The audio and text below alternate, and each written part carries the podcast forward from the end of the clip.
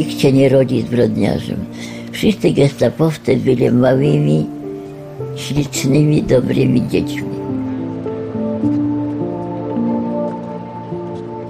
I co się mi stało?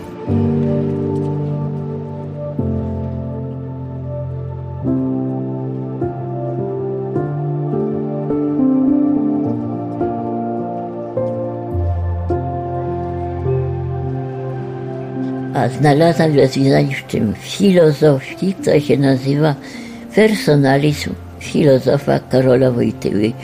Persona humana in fieri est.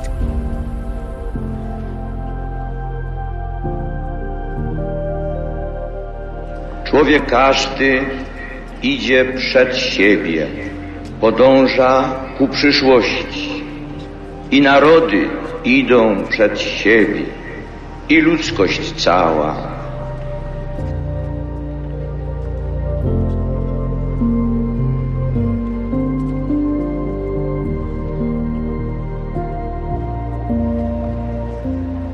Kim jesteś?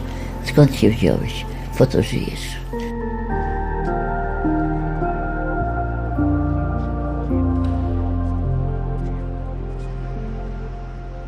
Wanda Półtawska, urodzona w Lublinie harcerka, konspiratorka, więźniarka Ravensbrück, gdzie była poddana pseudomedycznym eksperymentom.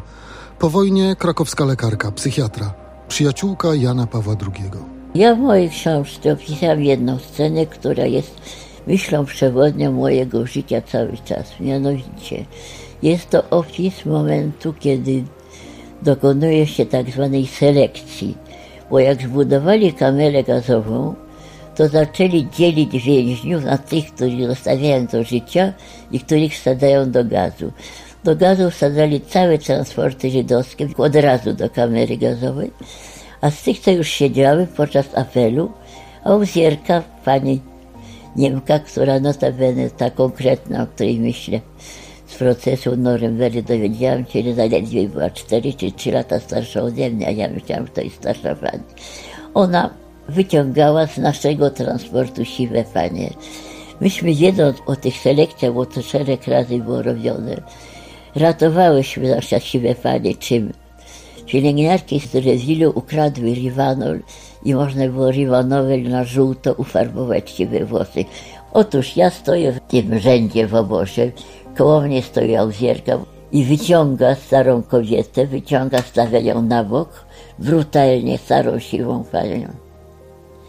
I nagle podchodzi inna auzjerka i prowadzi dziewczynkę, taką dziewczynkę trzy lata, może, w czerwonej szubce, do tej auzjerki. I ona bierze na ręce, przytula, pocałowała i oddała z powrotem tej pani i dalej wyciąga siwe, stare kobiety, a ja stoję w pierwszym rzędzie i patrzę i myślę sobie, jak to jest możliwe. Co to jest ten człowiek? Że ona tu całuje dziecka, tu zawija kobiety, które mogły być jej matką, jej babką. Co to jest? To jest wielkie pytanie o tajemnicę człowieka.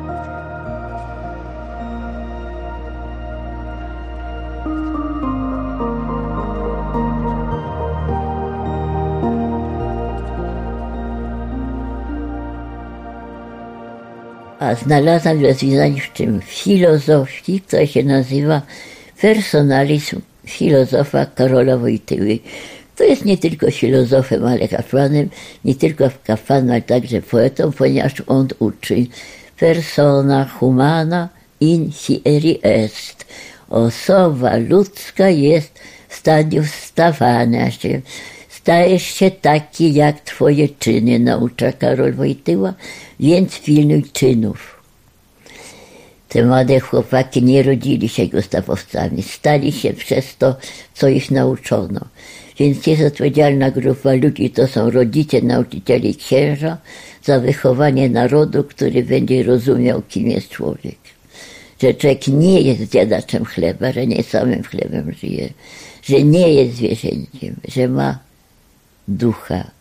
Ksiądz Karol Wojtyła wierzył w ducha człowieka, a także ducha narodu. I w tym personalizmie człowiek znajduje rozwiązanie.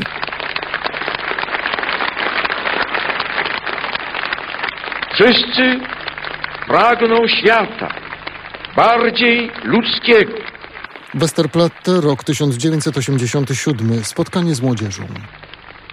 w którym każdy mógłby znaleźć miejsce odpowiadające jego powołaniu.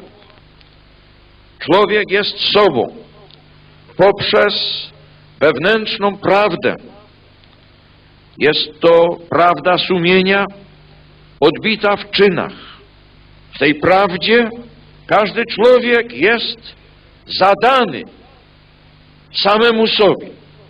Każde z przykazań, każda zasada moralności jest szczególnym punktem, od którego rozchodzą się drogi ludzkiego postępowania.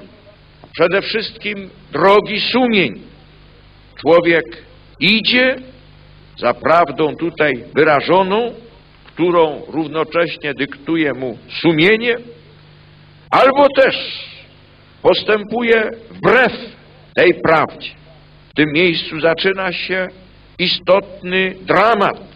Dramat tak dawny jak człowiek. W punkcie, który ukazuje Boże przykazanie. Człowiek wybiera pomiędzy dobrem a złem. W pierwszym wypadku rośnie jako człowiek. Staje się bardziej tym, kim ma być. Drugim wypadku człowiek się degraduje. Grzech pomniejsza człowieka. Czy tak nie jest? Rozejrzyjcie się wokoło.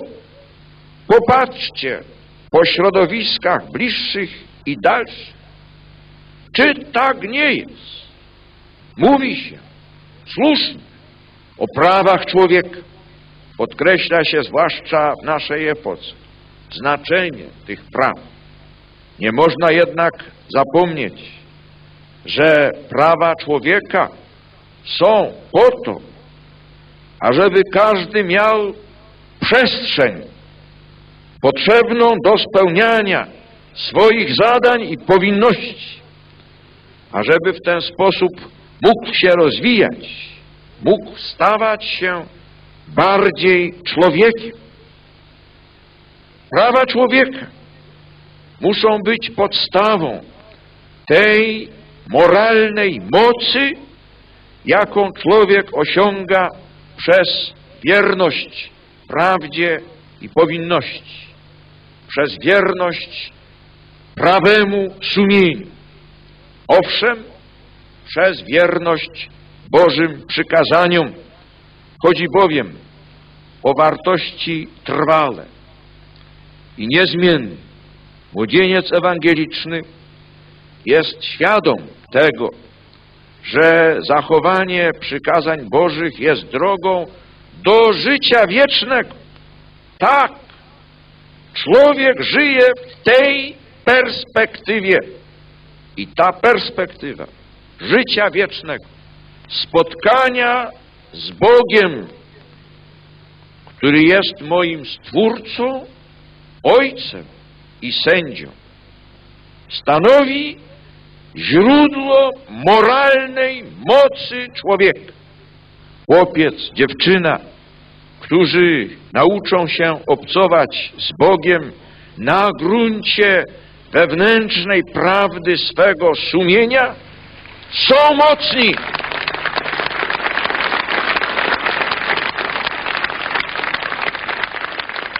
Są mocni. Mogą stawić czoło przeróżnym sytuacjom, nawet bardzo trudnym. Zagrożeniem jest klimat relatywizmu. Zagrożeniem jest rozchwianie zasad i prawd, na których buduje się godność człowieka i rozwój człowieka. Zagrożeniem jest sączenie opinii i poglądów, które temu rozchwianiu służą.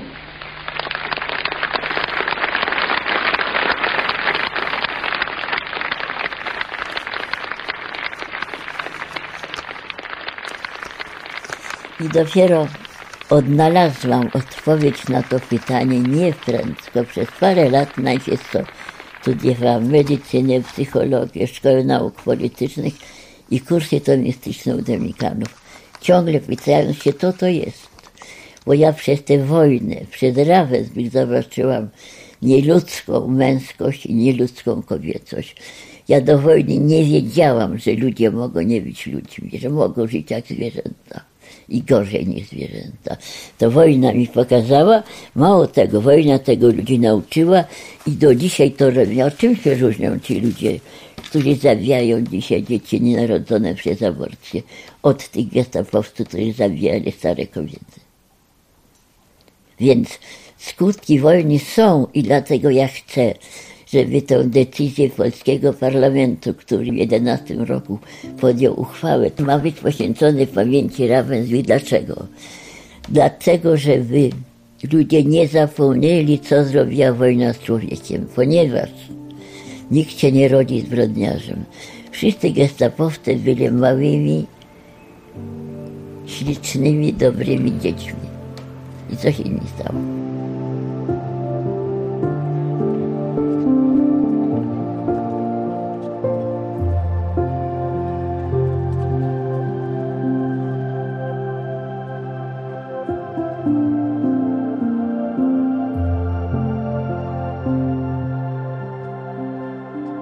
Towarzyszy mi dekalog.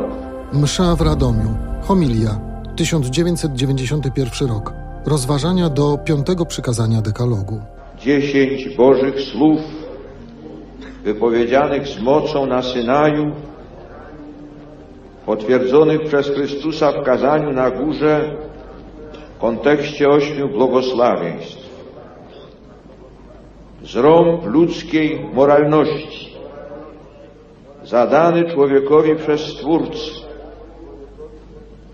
Stwórca jest zarazem najwyższym prawodawcą. Stwarzając bowiem człowieka na swój obraz i podobieństwo, wpisał w jego serce cały porządek prawdy, który warunkuje dobro i lat moralny, a przez to jest też podstawą godności człowieka, człowieka obrazu Boga. W samym centrum tego porządku leży przykazanie nie zabijaj. Zakaz stanowczy i absolutny, który równocześnie afirmuje prawo każdego człowieka do życia. Od pierwszej chwili poczęcia aż do naturalnej śmierci. Bracia i siostry, budujmy wspólną przyszłość naszej ojczyzny wedle prawa Bożego, wedle tej odwiecznej mądrości, która się nie przedawnia w żadnej epoce, wedle Chrystusowej Ewangelii. Budujmy, raczej odbudowujmy, bo wiele zostało zrujnowane, zrujnowane w ludziach, w ludzkich sumieniach, w obyczaju, w opinii zbiorowej, w środkach przekazu. Prosimy Cię, Odkupicielu świata, Chryste ukrzyżowany i zmartwychwstały. Prosimy Cię przez Twoją i naszą Matkę, przez wszystkich świętych i sprawiedliwych synów i córki tej ziemi, ażeby przyszłość należała do takich, którzy prawdziwie i niezłomnie łakną i pragną sprawiedliwości. Amen.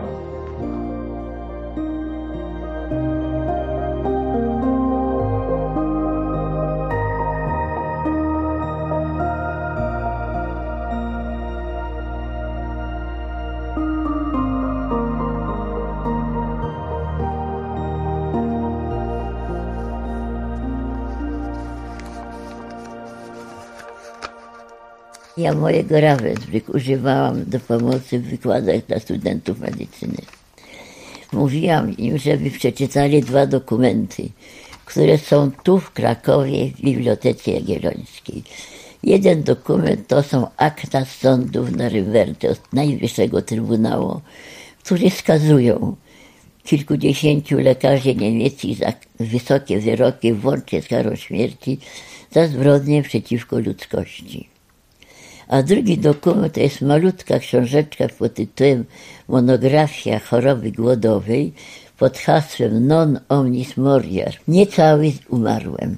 To są sprawozdania lekarzy żydowskich z getta warszawskiego, którzy zamknięci w getcie do końca leczą tych umierających z głodu pacjentów, a zarazem jest to pierwszy na świecie eksperyment robienia choroby głodowej, ponieważ zamknęli getto i nie pozwolili jeść. I ci wszyscy pacjenci w szpitalu umierają z głodu, razem z nimi lekarze, ale każdy opisuje internista, laryngolog, dermatolog i opisali siedem stadiów choroby głodowej. Z tego siódmego nie da się leczyć, dlatego że to jest moment, kiedy organizm zjada własne białko. Wtedy się umiera. Ja do tych medyków, studentów, którym wykładałem kilkadziesiąt lat, 65 lat jestem lekarzem, mówię do nich, słuchajcie, bardzo możliwe, że ci lekarze skazani na śmierć niemieccy i ci lekarze z getta to są koledzy z tego samego roku. Nie wiem, z Padwy, z Rzymu, z Paryża, czy nawet z Krakowa. Start, dyplom lekarza i teraz rozwój życia. Jedni wędrują na szubienicę zbrodniarze, inni mogą być kanonizowani. Od ciebie zależy, kim jesteś, tylko nikt więcej. I dlatego to jest temat, który powinien podjąć przez wszystkie szkoły dla dorosłej młodzieży jako lekcja patriotyzmu i lekcja etyki, moralności, kim ma być człowiek, że nie wolno nikogo krzywdzić ani zabijać bo człowiek nie jest zwierzęciem, nie ma prawa nad drugim człowiekiem. I z tego powodu ja te 60 lat robiłam wszystko, żeby wreszcie doszło. Z początku nikt nie mówi Ravensbrück. Dlaczego? No bo tam stacjonowała Czerwona Armia i ojczyzna ludowa nie dotykała Czerwonej Armii. Nikt nie mówił Ravensbrück. Po 60 latach dopiero zaczęło się dzień temu, że pan Kochanowski, który zginął w Smoleńsku, pierwszy poruszył to i wreszcie senację ruszył i dał taką uchwały, że trzeba pamiętać. Nie dlatego, że opowiadam, Boże, jak ja cierpiałam, jaka jestem bohaterka, bo zniosłam to wszystko. Tylko po to, żeby następne pokolenia Polaków nie stawały się takie jak gestapo, bo teraz jest pełno, pełno nieludzkich chłopaków, co robią terroryzm, pełno nieludzkich kobiet, co zabijają własne dzieci. Skutki wojny są w narodzie. Encyklika Jana Pawła II Centessimus Annus, napisana w stulecie encykliki Leona XIII Rerum Novarum. Czytając encyklikę w kontekście całego bogatego nauczania papieża Leona XIII, zauważamy, że ukazuje ona w istocie rzeczy konsekwencje w dziedzinie gospodarczo-społecznej błędu, mającego szerszy zasięg. Błąd ten, jak już powiedzieliśmy, kryje się w koncepcji ludzkiej wolności, oderwanej od posłuszeństwa prawdzie, a zatem również od obowiązku poszanowania praw innych ludzi. Treścią wolności staje się wówczas miłość samego siebie, posunięta aż do wzgardzenia Bogiem i bliźnim. Miłości, która prowadzi do bezgranicznej afirmacji własnej korzyści i nie daje się ograniczyć żadnymi nakazami sprawiedliwości.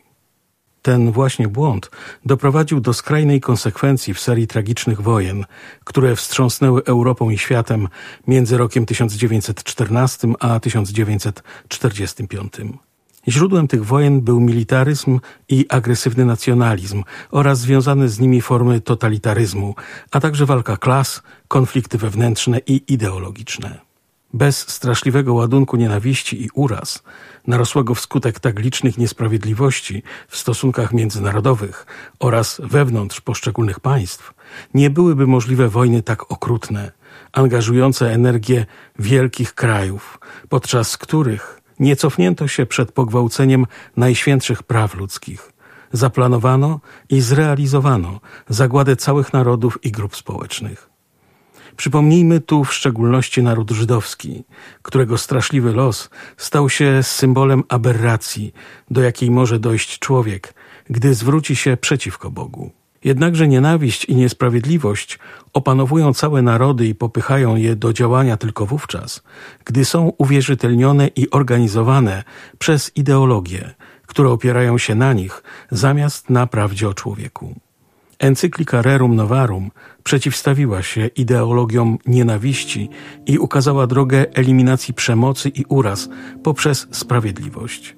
Oby pamięć owych straszliwych wydarzeń kierowała działaniami wszystkich ludzi, a w szczególności rządzących narodami w naszych czasach, w których te niesprawiedliwości podsycają nowe nienawiści i gdy rodzą się już nowe ideologie sławiące przemoc.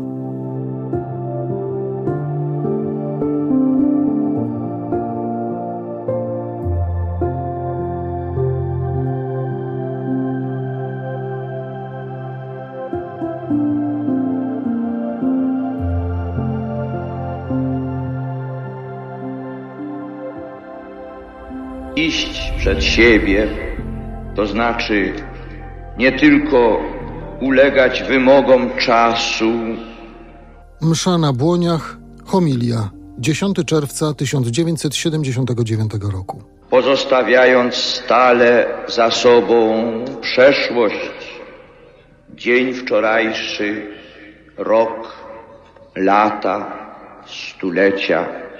Iść przed siebie to znaczy mieć świadomość celu, czy człowiek i ludzkość w swojej wędrówce przez tę ziemię tylko przechodzi i mija. I wszystkim dla człowieka jest to, co tu na tej ziemi zbuduje, wywalczy, zazna, czy niezależnie od wszystkich osiągnięć, od całego kształtu życia, kultury, cywilizacji, techniki, nic go innego nie oczekuje. Przemija postać świata i człowiek wraz z nią przemija bez reszty. Czy też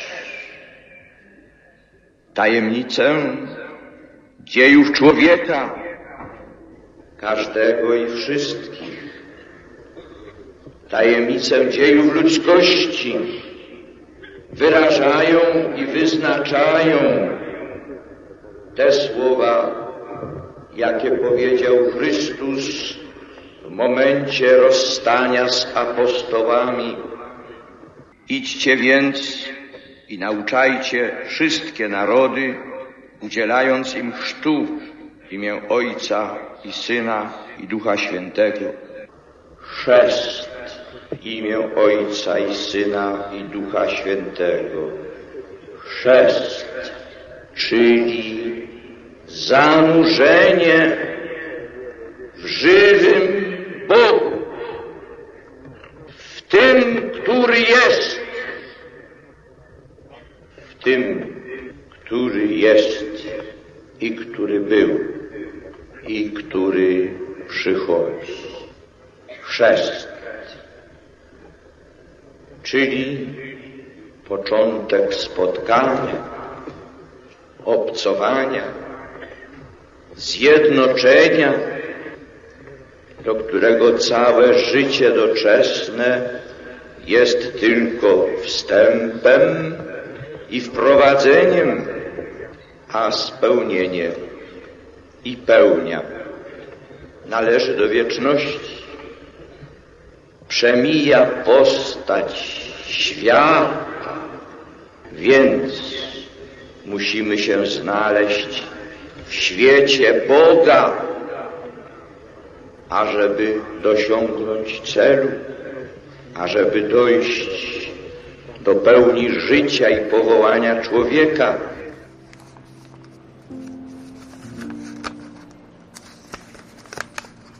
Wiemy, że jest koniec wojny. I wydawałoby się, że to gestapo powinno wiedzieć, że przegrywają. Tym niemniej do końca, do stycznia 45 jeszcze rozstrzeliwali. Halinkę Worszwart z Pawiaka poetkę rozstrzelany 5 stycznia w 1945 roku. Szaleni. I w związku z tym w pewnym momencie przychodzi do nas pracująca w Schreibstubie, czyli w kancelarii więźniarka, dziewczyny, uciekajcie, jutro będziecie oddane do gazu. Wszystkie oferowane, kończy się wojna. Oni nie chcieli dać znaków, nas zamknęli oferowane w osobnym bloku, myśmy nie wychodziły do pracy z obozu, potem nigdy. Wali się, że okoliczna ludność zobaczy nasze oferowane nogi. Wobec tego dowiadujemy się, że jutro nas wsadzą do gazu. Alarm przez cały obóz, przez cały obóz, niezależnie od narodowości. To jest dowód, że człowiek każdy jest człowiekiem, bo w tym momencie obóz wykazał solidarność wszystkich kobiet, niezależnie od ona prostytutka, czy ona złodziejka, wszystkie powiedziały, króle uciekajcie. I powstała przedziwna historia, 70, nie było 70, było 65, bo 5 było rozstrzelanych. Więc był ten końcowy moment, że jutro będziemy zagazowane, już kamera gazowa i się ukrywają kobiety. To jest początek stycznia. Jak ukryć 60 kobiet, które mają nogi operowane, których ostatnie jeszcze nie potrafią chodzić. Moja rana zagoiła się parę lat po wyjściu moim z więzienia. Więc to jest problem, że trzeba było coś wymyślić. Były bloki, które były pod spodem puste i tam pod tymi blokami można było sadzić parę, co nie mogły chodzić. To te, zasypałyśmy te bloki piaskiem i polałyśmy tym takim dziewczyny ze szpitalika dały jakieś coś, żeby psy tam nie powąchały, że tam są. Parę ich wychowało na strychu, a w ogóle to była taka sytuacja, że wszystkie blokowe oszczędzały trupy.